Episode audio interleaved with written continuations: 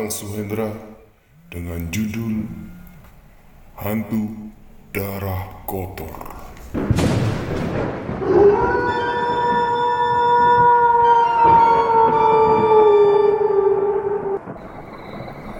Di suatu malam Selasa Kliwon, Dung, malam ini kau giliran mendai. Iya bang, Dengar-dengar istrimu sedang sakit. Sakit apaan sih? ya sakit yang biasa dialamin ya. Kalau lagi datang haid selalu sakit-sakitan bang. Teman-teman yang tugas ronda malam ini kok pada mana bang? Ada. Lagi pada kumpul di pos Kamling. Ayo Dung, kita bergabung dengan mereka. Bang, Setelah berkumpul, kita atur siapa yang keliling lebih duluan. begitu mereka sedang menuju posisi kamling, Eh, lihat. Seberkas sinar merah membara apaan ya? Dia meluncur terus menuju arah di mana rumahku berada bang. Aku lihat di sana. Dudung segera memburunya. Dia sepertinya turun bagian belakang rumahku. Truk, kita ikutin si Dudung. Maka Petruk dan Garing mengikutinya.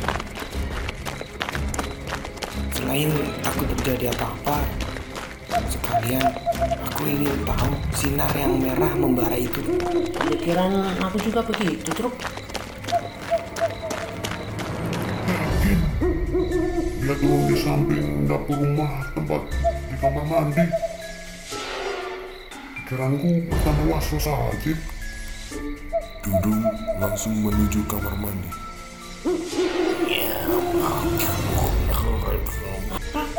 Ada bangku merah menakutkan. Ngapain di situ? Buset, dia lagi asing menjilat celana dalam istriku yang ada darah haidnya.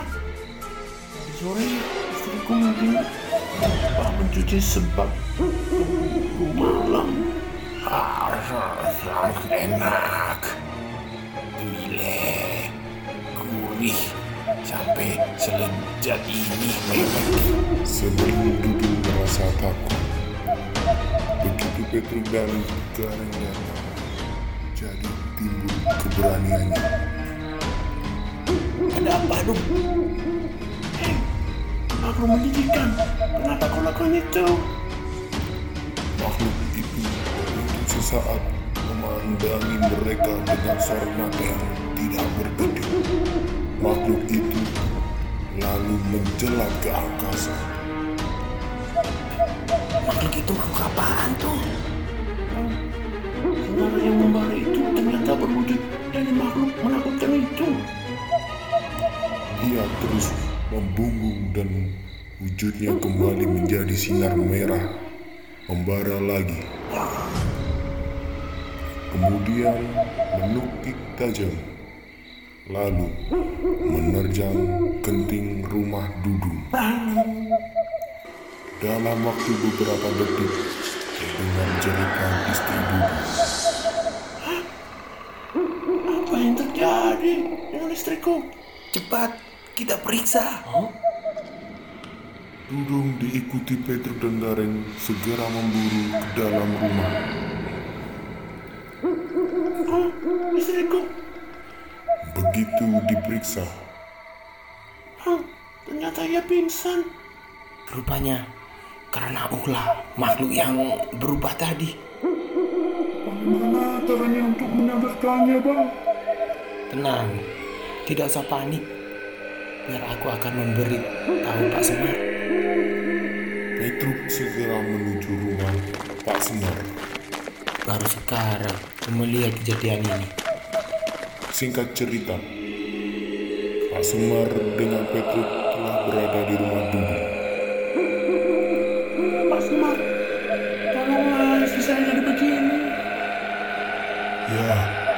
Ya, sudah diberitahu oleh itu. Pak Semar segera mengusap-ngusap tubuh si pingsan. Tiba-tiba dari tubuh si pingsan keluar sinar kemerah-merahan, lalu melesat keluar rumah. Detik itu juga istri duduk siuman. Terima kasih. Betapa usaha Bapak, istri saya sudah tidak bisa lagi. Untung keburu tertolong. Kalau tidak, istrimu bisa fatal karena tubuhnya dimasuki sinar merah tadi. Pak, sinar merah yang memarah itu apaan sih? Kok dapat berubah wujud sesosok makhluk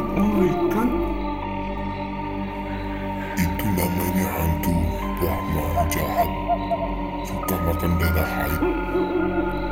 Makanya jangan sekali-sekali bagi wanita yang sedang haid nyimpen ada kotoran darah sembarangan. Darah itu akan menjadi makanan hantu Brahma tersebut. Setelah memakan kot- kotoran darah haid itu, si hantu kemudian mencari siapa pemiliknya.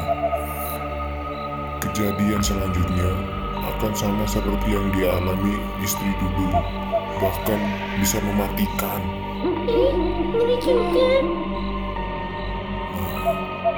Wanita wanita di desa ini yang tidak tahu adanya hantu Brahma, tolong diberitahu. Mau percaya, ya mau percaya atau tidak, itu terserah mereka. Baik, Pak. Kejadian ini akan saya sebarluaskan.